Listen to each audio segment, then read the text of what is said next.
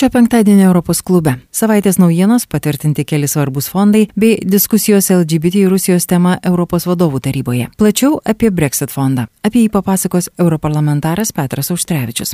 Klausykite. Europos klubas. Sveiki, prie mikrofono Vilija Kvedaraitė. Savaitė intensyvi Europinėje erdvėje. Parlamente minisesija susirinkusi ir Europos vadovų taryba. Europos parlamentas patvirtino įsipareigojimą iki 2030-ųjų sumažinti šiltnamio efektą sukeliančių dujų išmetimą bent 55 procentais, jei pavyks ir daugiau, o iki 2050-ųjų užtikrinti visiškai neutralų poveikį klimatui.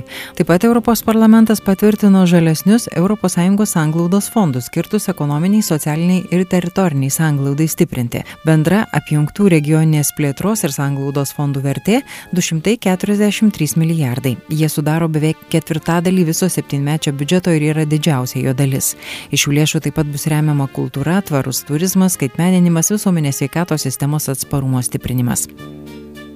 Įvairios diskusijos verda Europos vadovų taryboje.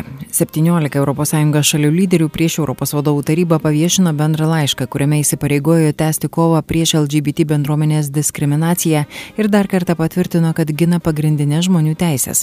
Nors po bendrų laiškų parašus padėjo Latvijos ir Estijos prezidentai, šis klausimas išardė Baltijos šalių vienybę. Lietuvos prezidento Gitano Nausėdos pavardės ten nėra. Luksemburgo premjeras Xavier Betel pasidalino asmeninę patirtimi. Priimti save, kad esu homoseksualus homoseksualus buvo vienas sunkiausių dalykų - priimti save, pasakyti tėvams, sakė jis žurnalistams. Ir dabar klausytis, kad taip yra todėl, kad gal kažką žiūrėjau per televiziją, kai buvau jaunas, yra visiškai nepriimtina. Betel 2015 metais vedė savo partnerį Belgijos architektą Gotie Destiny. Maišyti į vieną pedofiliją, pornografiją ir homoseksualumą yra visiškai nepriimtina, sako jis. Tai pamatinė ES vertybė - turėti galimybę būti kitokiu. Niderlandų premjeras Markas Riutė žurnalistams sakė, kad Vengrija turi atšaukti savo prieš LGBT nukreiptą įstatymą ir gerbti pamatinę žmogaus teisės arba trauktis iš ES. Kitaip, ES taps tiesiog prekybos bloku, o ne vertybių sąjunga.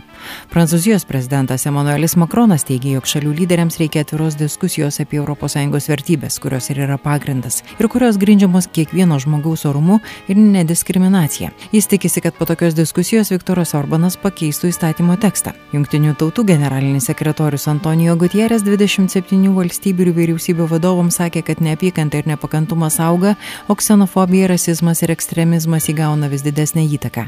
Gutierrezas kreipėsi į ES lyderius, kviesdamas kurti piliečių pasitikėjimą ir įvairovę. Kol kas nei žodžio iš Vengrijos ministro pirmininko Viktoro Orbano. Po to, kai prezidentas Gitanas Nausėda atsisakė pasirašyti daugumos ES šalių lyderių deklaraciją dėl LGBT teisių, nors laišką panašią temą anksčiau šią savaitę parašu paremė užsienio reikalų viceministras, užsienio reikalų ministras Gabrielius Landsbergis pareiškė neįsivaizduojantis, kaip Lietuvoje suderinti poziciją seksualinių mažumų klausimų. Tarp svarbiausių šios savaitės temų ir ES santykiai su Rusija. Es užsienio politikos vadovas Josepas Borelis paskelbė ataskaitą, kurioje pateiktas įspėjimas, kad es santykiai su Rusija tik blogės. Prieš ketvirtadienio susitikimą Prancūzija ir Vokietija pateikė paskutinės minutės siūlymą tęsti aukščiausio lygio susitikimus su Rusija. Tokie idėjai griežtai nepritarė virtinė ES valstybių, ypač rytų Europos šalys atsargiai žiūrinčios į pokalbį su Kremliumi. Šalys nemaloniai buvo nustebintos tokio Paryžiaus ir Berlyno žingsnio. Es valstybių ambasadoriams trečiadienį vakare nepavyko suderinti bendros pozicijos šiuo klausimu, todėl jis buvo paliktas spręsti lyderiams. Berlyno ir Paryžiaus pateiktame es viršūnių susitikimo išvadų projekte rašoma, kad bendryje peržiūrės esamus dialogo su Rusija formatus, įskaitant dialogą lyderių lygių. Tačiau jame taip pat nurodoma, kad lyderiai prašys Europos komisijos pristatyti galimybės imtis papildomų apribojimų, įskaitant ekonominės sankcijas, siekiant duoti atkirtį bet kokiai piktavališkai ar neteisėtai Rusijos veiklai. Šis es viršūnių susitikimas paskutinis Vokietijos kancleriai Angelai Merkel, kurios įpėdinis bus išrinktas rugsėjį. Merkel aktyviausiai tarp bendrijos lyderių pasisakė už ryšius su Vladimiru Putinu, kurie per pastaruosius septynerius metus tik drastiškai pablogėjo. Kol kas neaišku, kokiu formatu galėtų vykti toks susitikimas ir ar jame dalyvautų 27 lyderiai, ar tik Europos komisijos ir vadovų tarybos pirmininkai. Rusijos prezidentas Vladimiras Putinas džiaugsmingai sutiko Vokietijos ir Prancūzijos siūlymus atnaujinti susitikimus. Tuo metu Ukrainos užsienio reikalų ministras griežtai sukritikavo šį siūlymą. Dmitro Kuleba prieš bendrijos lyderių susitikimą sakė, kad iniciatyvos atnaujinti tokius susitikimus, nematant jokios pažangos, yra pavojingas nukrypimas nuo ES sankcijų politikos. Sprendimas neberengti ES ir Rusijos viršūnių susitikimų buvo priimtas 2014 metais, kai Rusija aneksavo Ukrainai priklausantį Krymą.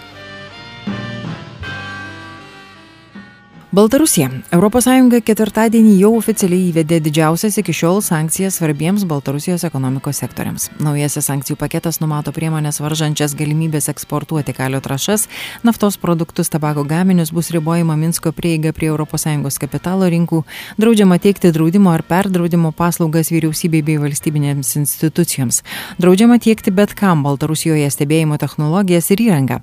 Paskelbtos sankcijos ir 86 papildomiems asmenims ir subjektams. Sankcijas Minskui išplėtė ir Junktinės valstijos, Junktinė karalystė ir Kanada. Be to, ES praėjusį mėnesį jau uždraudė Baltarusijos oro bendrovėms skraidyti bendrijos šalis ir paragino vežėjus nesinaudoti Baltarusijos oro erdvę. Tačiau Lukašenka iki šiol atsisako nusileisti spaudimui ir perspėja, kad dalyje šalies gali būti įvesta karo padėtis, siekiant išvengti ekonomikos nuosmukio dėl sankcijų poveikio. Kaip jaučiasi Baltarusijos žmonės, klausykite trečiadienį Europos klube. Ten atviras pokalbis su Dmitrij, kuris ką tik persikraustė iš Baltarusijos į Lietuvą su šeima. Nuo arenos nenueina ir breksito tema. Šalis aiškinasi, kaip elgtis su Britanijos turistai šioje šalyje plintant delta koronaviruso atmainai. Patys Britai taip pat apie tai galvoja. Škotija negalės renkti naujo referendumo dėl nepriklausomybės iki 2024-ųjų, pareiškė Junktinės karalystės ministrų kabineto vienas aukšto rango narys. Škotija buvo viena tų, kuri aiškiai reiškė palaikymą narystė Europos Sąjungoje. Birželio 30-ąją sukanka terminas, iki kada ES šalių piliečiai gali teikti prašymus išduoti leidimą nuolat gyventi Britanijoje.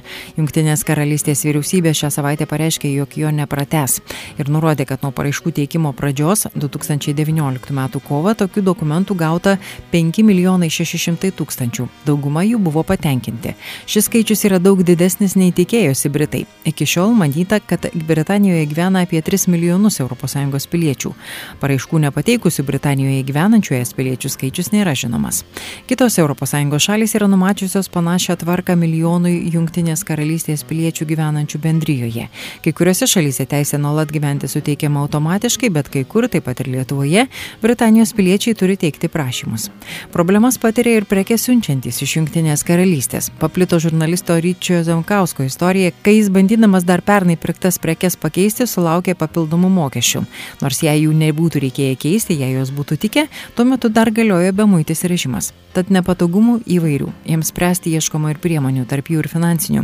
Paskutinėje Europos parlamento Strasbūro sesijoje buvo patvirtintas Brexito fondas šalims narėms. 11 milijonų jame skirta ir Lietuvai. Plačiau, kam bus šie pinigai, pasakojo europarlamentaras Petras Užtrevičius. Brexito fondas arba taip, Brexito susitarimo įgyvendinimo fondas, sakykime taip. Jis yra skirtas dėl tų adaptacijų arba e, kompensuoti papildomus e, nuostolius, kurios gali vienos ar kitos valstybės ypatingai patirti. Ir akivaizdu, kad e, tos artimiausios valstybės, tai sakykime taip, Beneliuksas, Prancūzija, Vokietija, Danija, Airija, kurių ekonomikos labiausiai susiję, ypač prekyba ir žvejyba. Tai yra du iš esmės, galima sakyti, sektoriai arba e, ekonomikos e, dalys, kurios e, labiausiai pajus ir paju, paju, pajuto breksito faktą. Lietuvai yra numatyta apie 11 milijonų, nes Lietuva žvejoja Britų vandenyse. Tokių valstybių nėra daug, tiesą sakant, kiek daugiau nei dešimtukas iš ES valstybių, bet labiausiai žvejoja, tai žinom kas, tai yra prancūzai, belgai, e, airiai. Ir štai pastarieji konfliktai, ypač su, su anglų ir britų žvėjais, parodė, kad e, na, gali būti tam tikrų papildomų dar nuostolių. Ir prancūzai labai reagavo į tą dalyką. Ir mm, žinant, kad e, nors žvejybos sektorius nėra toks didelis, bet žvėjai yra labai garsus e, rinkėjai, ar ne, garsiai rėkiantis ir žinant, kad artėja rinkimai prezidento Prancūzijos kitais metais, gegužės mėnesį, yra norima iš prancūzų pusės šiek tiek gauti didesnę kompensaciją bet tu jos negali gauti kitų, nesumažinamas kitų valstybių kompensacijų. Ir čia buvo labai aštrios diskusijos beje, Europos parlamente, nes Brexito fondas yra dalinamas taip, 20 metais 2 milijardai, pirmais 2 milijardai ir milijardas bus likusiam iki 24 metų padalintas. Tai jis galbūt atsi, gali ir prasitesti, nes su, su adaptacija gali būti ilgesnė.